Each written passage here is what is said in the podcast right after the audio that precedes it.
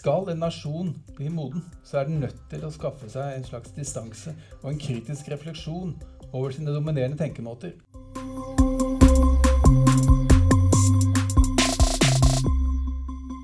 Dette er altså en bok om hva jeg kaller norsk mentalitetshistorie. Eller norsk idéhistorie i det internasjonale gjennombruddet av landets historie.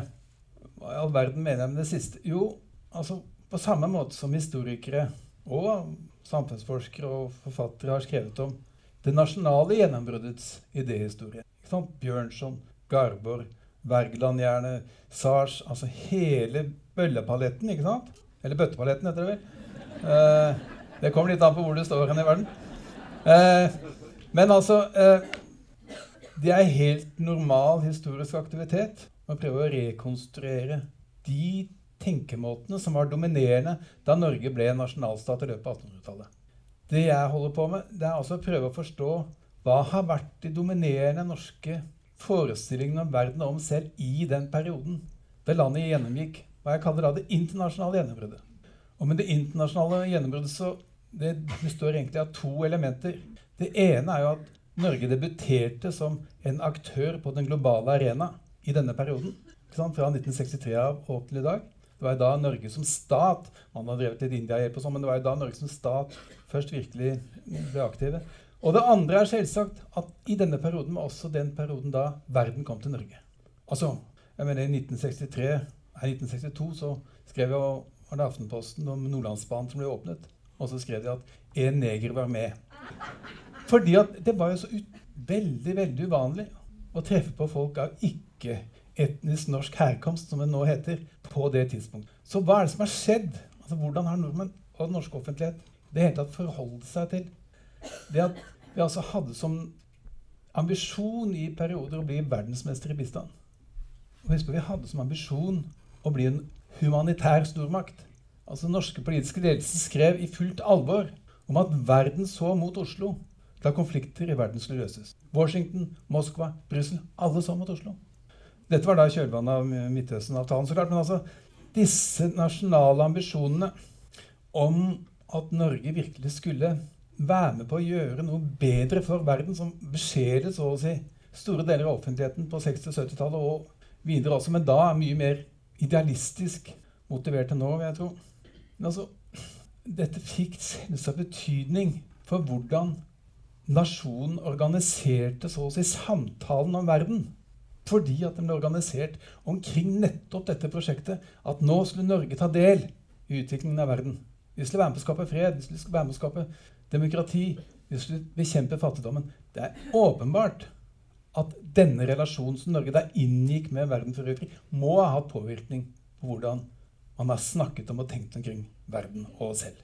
På samme måte som altså 1900-tallet eh, og det nasjonale gjennombruddet så klart påvirket altså kampen mot Danmark, eh, bondebevegelsens framvekst, lærerorganisering Alt dette påvirket jo den nasjonale samtalen.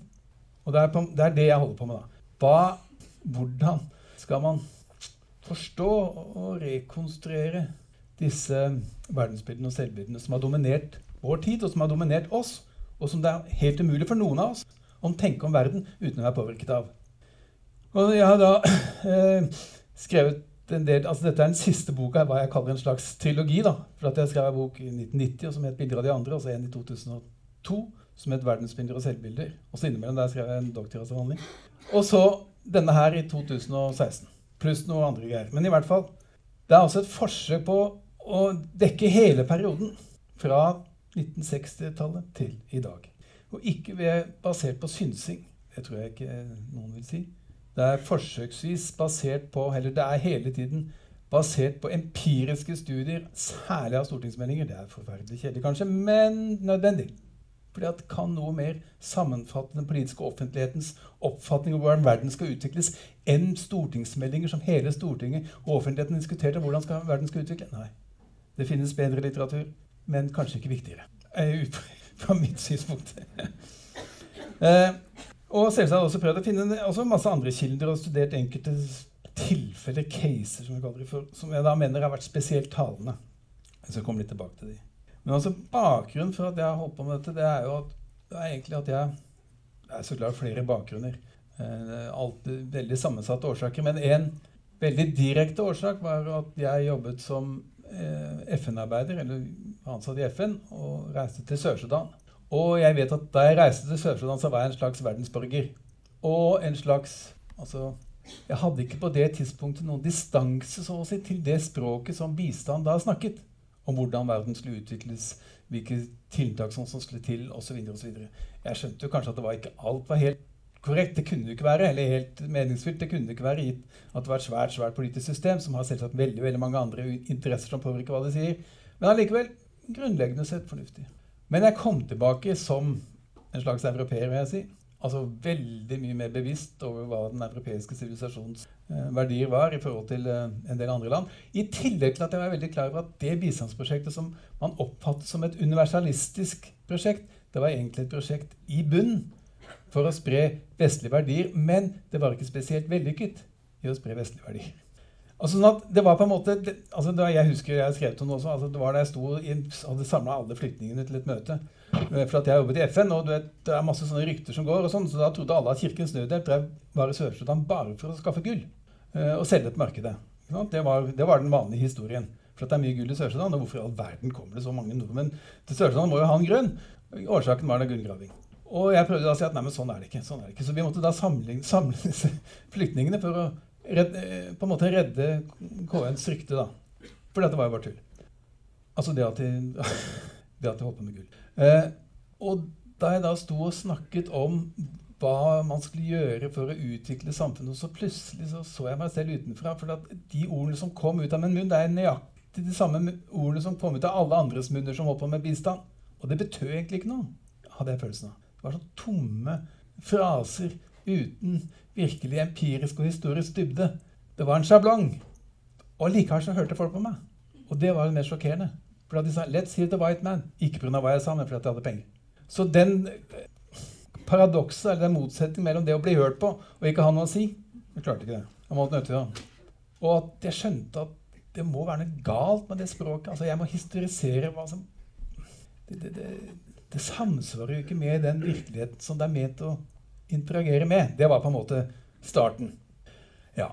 Eh, sånn at det har da avfødt disse, her, eh, disse bøkene. Og et prosjekt mener jeg, som er viktig i den forstand at skal en nasjon bli moden, så er den nødt til å skaffe seg en slags distanse og en kritisk refleksjon over sine dominerende tenkemåter. Og ikke minst om man klarer å distansere seg til å le av sine egne nasjonale ritualer.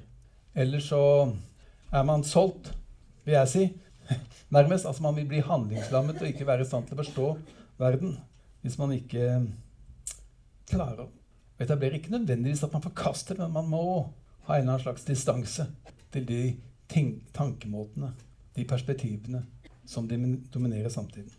Og da har jeg prøvd å eh, gå gjennom forskjellige eller, tilfeller. Da. Og jeg skal nevne noen av de her. Jeg kan stå og snakke om sånne eksempler i det uendelige. ikke sant? Men det første eksempelet som jeg syns er litt artig Eller artig, det er litt avhengig av hvilken humor du har, da. Eh, men altså, jeg syns det er utrolig morsomt. Nei, det er stortingsmelding fra 1983-84. Stortingsmelding 36. Og den, den, stortingsmeldingen den fremmer én utviklingsstrategi for alle utviklingsland som stortingsmeldingen mener er historisk bevisst. Altså Sør-Sudan, Saudi-Arabia, Kina, Brasil.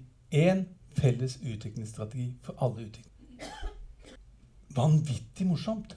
Ja, men snu litt på da. Tenk, du hadde hørt en nasjonalforsamling i Mali hadde akkurat i fjor vedtatt en resolusjon i nasjonalforsamlingen som gikk ut på at det var én utviklingsstrategi som skulle gjelde for alle utviklede land.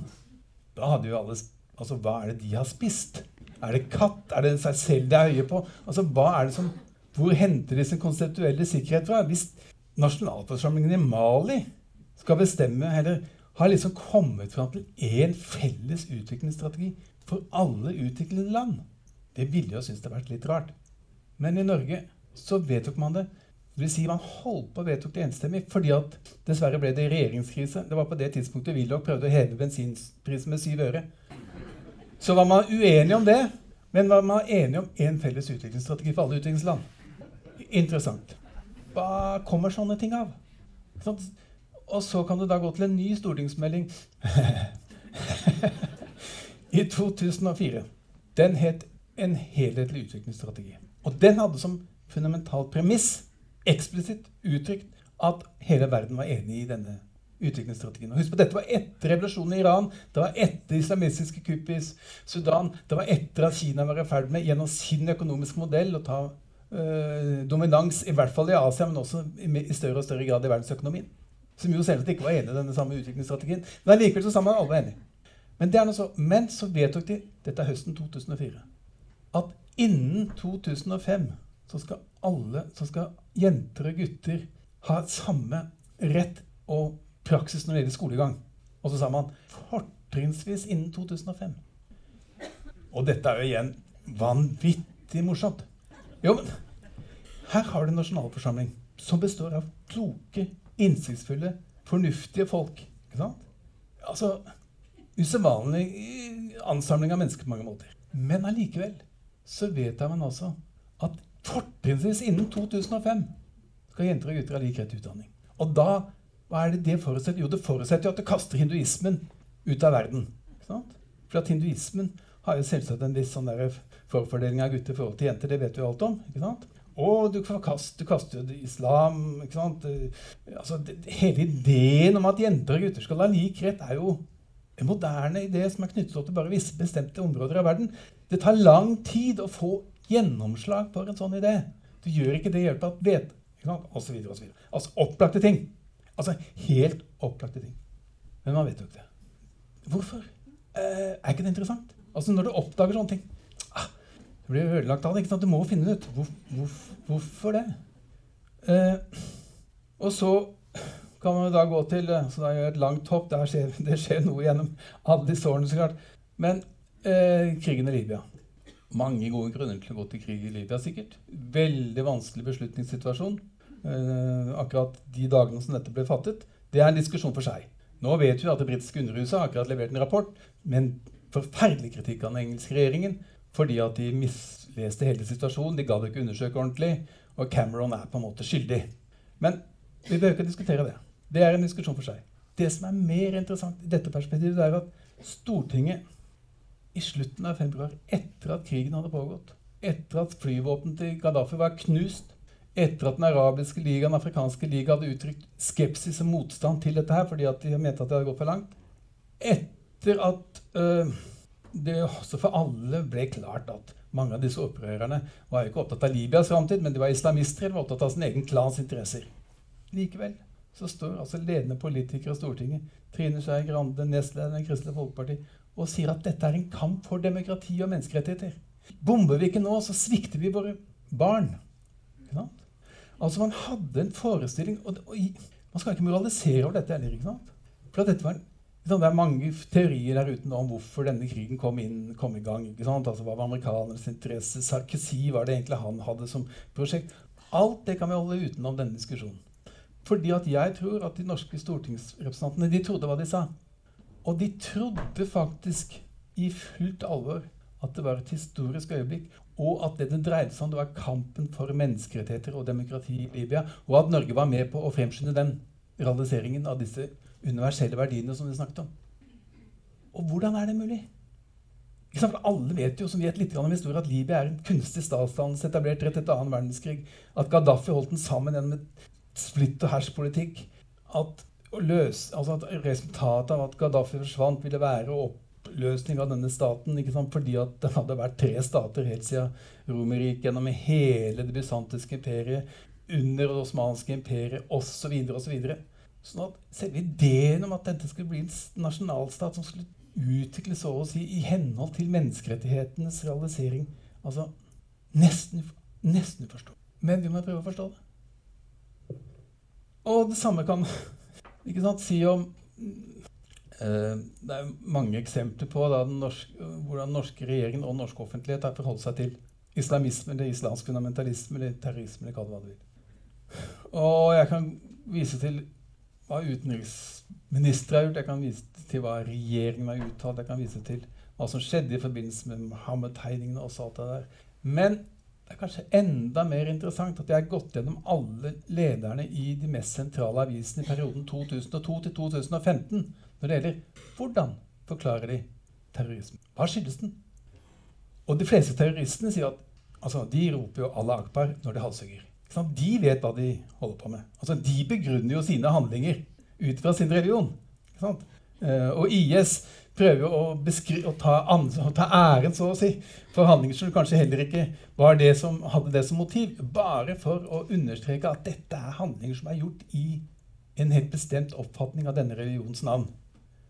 Men det som er, det, som er sammenfattende trekket for alle disse lederne, er at altså jeg, jeg går gjennom fem aviser, da, det finnes så klart unntak, men jeg går gjennom fem sentrale aviser, det er at det systematisk blir forklart med alle andre ting enn islam. Og alle andre ting enn en fortolkning av islam på en bestemt måte. Altså Det er utenforskap, de er, de er påvirket av europeisk, vestlig eh, radikalisme og terrorisme, som både Mainhof og Råte armébrigade altså, Men ikke Altså, man går ikke inn i hva som har vært den islamistiske historien på dette feltet. Hvordan disse organisasjonene opp gjennom hele historien har knyttet, knyttet terrorhandlinger til en bestemt oppfatning av religion. Hvordan den moderne islamismen jo selvsagt oppsto lenge før Europa oppsto. Og den første islamistiske revolusjonen var en revolusjon i Sudan rettet mot et annet, osmansk, altså et, mot et annet islamsk rike, nemlig det osmanske imperiet, som på det tidspunktet jo var hovedsetet for det islamske kalifatet. Altså, alle sånne historiske, geopolitiske faktorer blir ikke trukket inn, på en måte. Altså, det er som man, fra, man fratar så å si subjekten, man fratar terroristene sin egen subjektivitet. altså Man fratar dem sin egen begrunnelse. fordi at nå skal dere, dere gjør dette ikke pga. hva dere selv sier, men pga. Mm, hva vi sier. Ikke sant? Det er jo som da, da han, eh, Ole Paus sa at etter at uh, Osama bin Laden hadde hvert fall tatt ansvar for 9-11, at han er en slags uh, moderne Che Guevara på vegne av den tredje verden. Altså, helt omskrevet inn i et helt konvensjonelt perspektiv, hvor du har tredje verden mot den industrialiserte verden, de fattige mot de rike. Og her kommer jammen Osama bin Laden som en moderne versjon av denne eh, slags om Robin Hood, eller hva man skal kalle det, fortellingen. Altså en systematisk, en helt systematisk eh, opphevelse av disse historiske aktørenes begrunnelse for sine egne handlinger.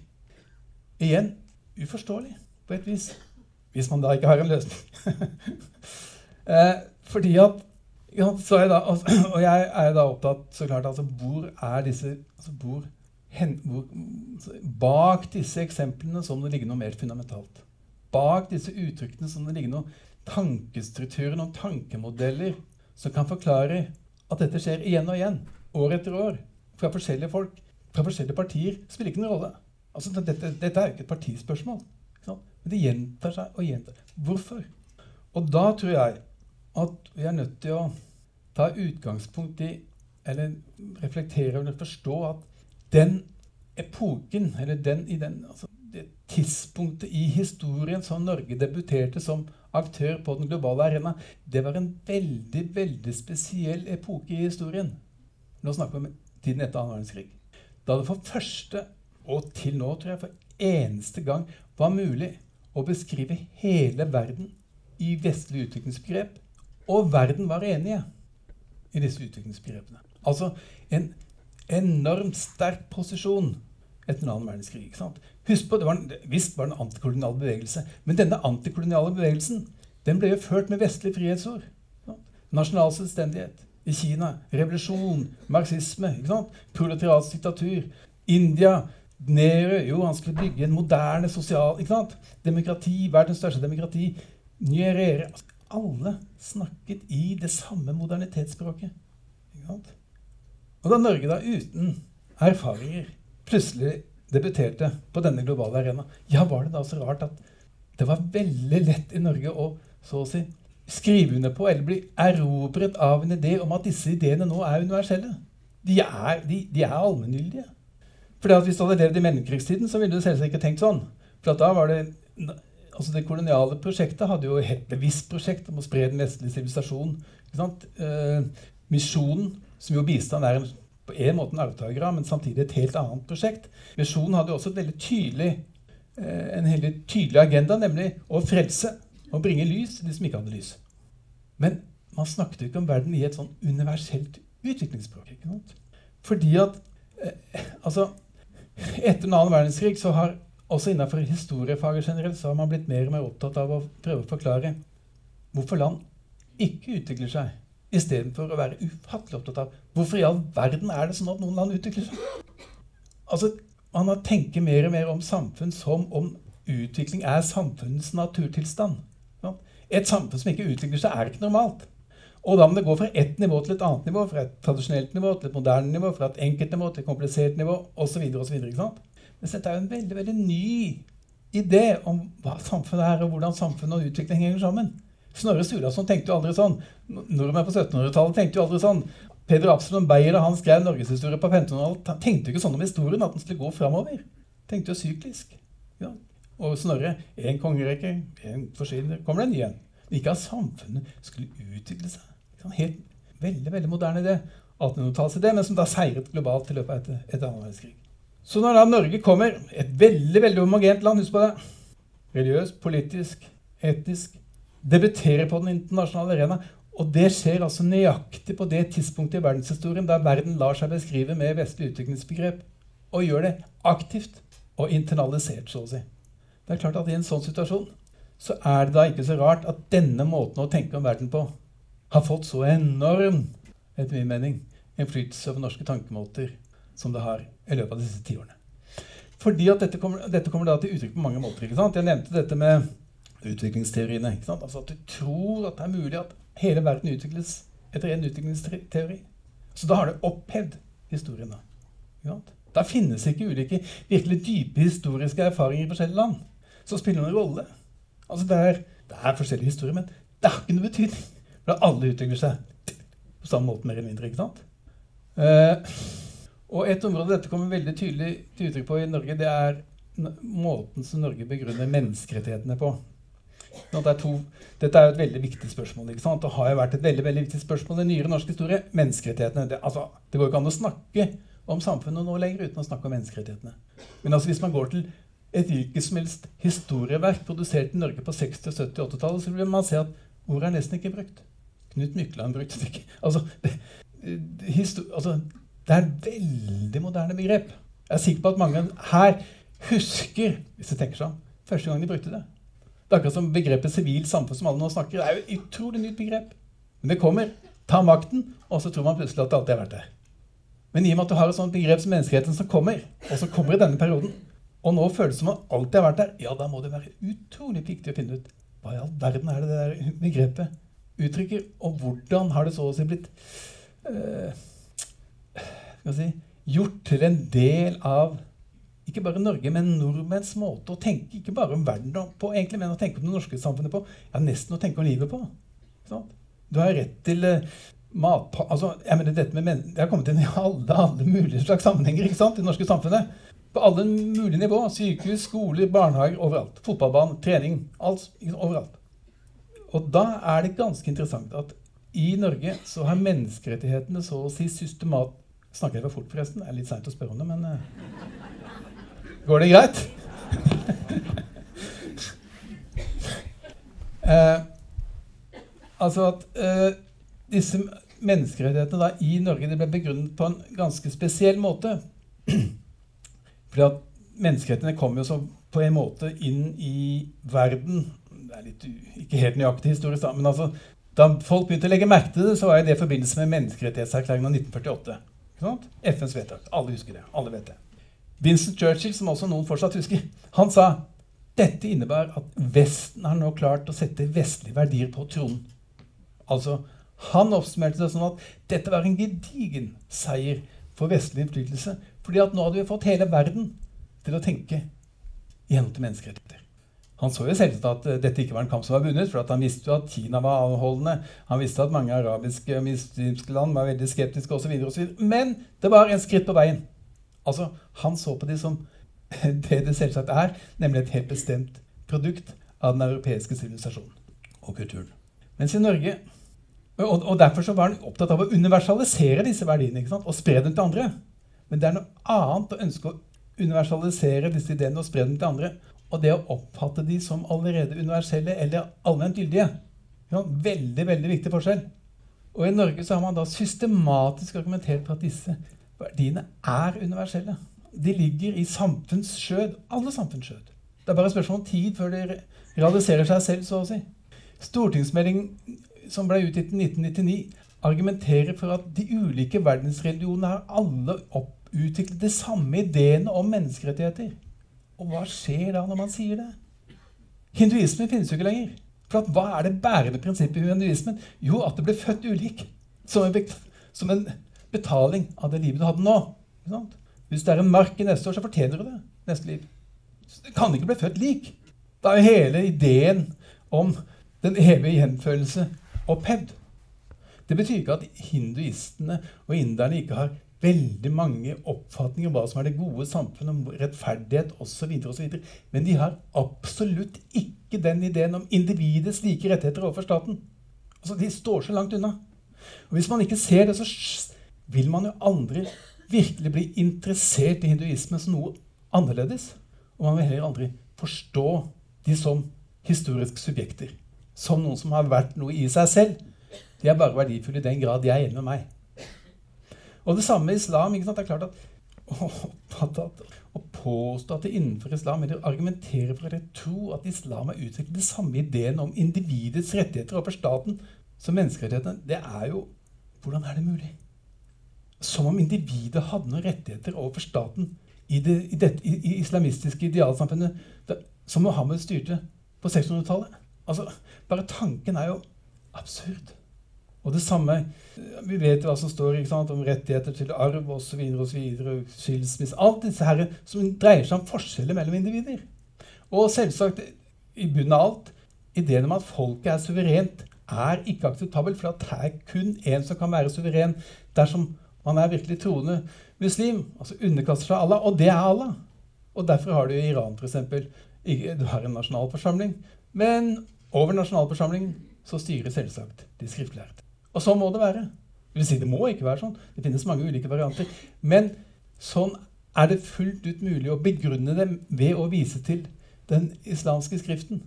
Og da er det altså veldig veldig problematisk at det norske Stortinget på, har begrunnet menneskerettighetene som universelle i den forstand at alle samfunn alle religioner har utviklet mer eller mindre de samme ideene om individets rettigheter over staten. Når selve ideen om individets rettigheter over staten er veldig, veldig ny. Og som sagt, mange av de som sitter her, tenkte ikke på individets rettigheter overfor staten i det hele tatt før menneskerettighetene kom seilende inn på ei fjøl som bare overmannet av den motstanden, hadde nær sagt, i løpet av slutten av 70-tallet, 80-tallet og 90-tallet. Så denne spesielle oppfatningen av, av, av menneskerettigheten som universell, altså det, det, er på en måte Det peker på, etter min mening, da, et veldig, veldig viktig trekk ved det ved idéhistorien eller mentalitetshistorien i Norge under det internasjonale gjennombruddet. Altså at man har tenkt Eller man har utviklet ideer om verden som i bunn og grunn er universalistiske på den måten, i den forstand at man oppfatter både utviklingsprosjektet som universelt, man oppfatter menneskerettighetene som universelle, man oppfatter øh, altså, hva det nå skal være av sånne fundamentale ideer som ideer som egentlig i bunn og grunn ikke har et spesielt kulturelt eller historisk feste, men noe som er allmenngyldig eller universelt. Og det, hva får det for konsekvenser? Det får jo veldig veldig mange konsekvenser, fordi det betyr at man rett og slett mister språket når det gjelder å fortolke og forklare ideer som strider mot det man oppfatter som universelt. For det kan jo ikke finnes. Det er det som er, det er, det som er baksida av det. Det som da strider med dette universelle, det må jo enten være en anomali, altså noe som er sykelig. Altså, du kan behandle det, du kan sette dem i fengsel. Altså, eh, du må behandle på et eller annet vis. Det er, et slags uttrykk for utenforskap, utenforskapets psykologi, uvitenhetens triumf. You name it. Altså, det, du må forklare det ved, ved, noe som er feil, så å si, ved de andre. Ikke det at de har et annen oppfatning som er helt annerledes, som de vil dø for, om nødvendig i kampen for. Men altså, og, og det andre er da at altså Den andre strategien eh, det er da å rett og slett overse det. Altså late som det ikke finnes. Eller operere som om det ikke finnes. Og etter min mening så er jo det som må kunne forklare at Stortinget f.eks. i 2004-2005 vedtar denne ja, Nå skjønner alle hvor usannsynlig morsomt dette er. Ikke sant? Alle kommer til å gå her i lomma. ikke sant? Jeg husker, altså, Det er merkelig at de vedtok det i 2004. Men altså, hvordan kunne de gjøre det? Jo, det måtte, altså, Forutsetningen måtte jo være at de nettopp så bort ifra at det fantes ideer, religiøse oppfatninger osv. osv. som aktivt ville motarbeide at denne perioden ble virkeliggjort. Og det betød at man i realiteten feide banen, eller vil si løftet ut av bildet av verden, store deler av verden. Og det som da blei igjen, det var en verden som i veldig sterk grad minnet om oss selv. Og det er jo derfor jeg mener at en, en, eh, en slags eh, oppsummerende altså Jeg håper at dette ikke oppfattes som kritisk. på en måte. For det er ikke meninga å være kritisk eh, mot noen. Eh, det er mer forskjell på å, å, liksom tenke gjennom ordentlig hva innebar det at Norge debuterte, som jeg snakket om, på verdensarenaen akkurat i denne, denne spesielle epoken. Som husk på, og det, og det skapte da et verdensbilde som er mye vanskeligere å, å bevare nå og reprodusere nå, fordi at du selvsagt har veldig tydelig disse islamistiske grupperingene som forkaster alt som har med den vestlige sivilisasjonen å gjøre, helt eksplisitt. At vi nå vet kanskje mer om Kairo-erklæringen, om hvordan man argumenterte også for en helt annen idé om hvordan man skulle realisere menneskerettighetene enn det som eh, menneskerettighetserklæringen gjorde. Eh, altså at man nå har fått en klarere kan man si, erkjennelse eller kunnskap om at det er rett og slett umulig å holde virkeligheten utenfor dette bildet av like-minded persons. Men hvis man da skal oppsummere på en måte denne dominerende figuren, eller denne dominerende tankemåten i et, i et bilde, så har jeg kalt det da eh, den kosmopolitiske narsissist. Det kan høres veldig kritisk ut, det òg.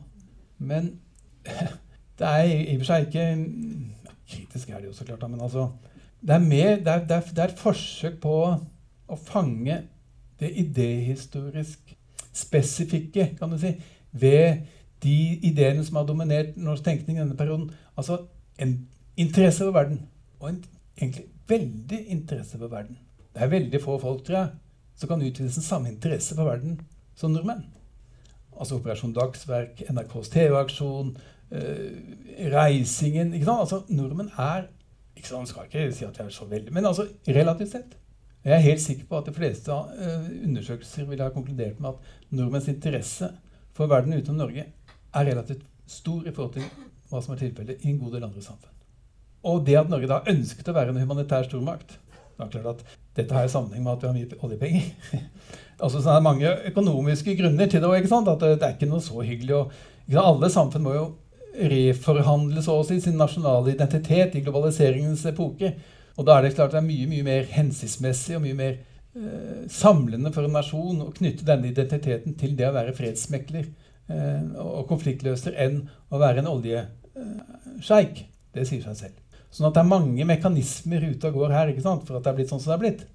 Eh, men eh, allikevel, det at man endte opp med en sånn målsetting, og det at Bondevik kunne si i Norge Husk på det nye, års, det nye års, 1000, altså dette var nyttårsaften til år 2000. Da statsledere andre steder i verden snakket om teknologi og sånn. Hva er det Bondevik snakker om? Jo, vi, altså nordmenn Eller vi, altså nordmenn. Vi skal bli husket pga. vår internasjonale solidaritet og fredsarbeid. Altså interesse for verden. Men samtidig, etter min mening, en interesse altså, som Den sentrifugerer mot verden, men den graviterer mot seg selv. Altså at man i denne interessen med verden, så kan man egentlig ikke se noe annet enn en kopi av seg selv, fordi at man oppfatter at dens egne verdier er universelle av de grunnene jeg sa.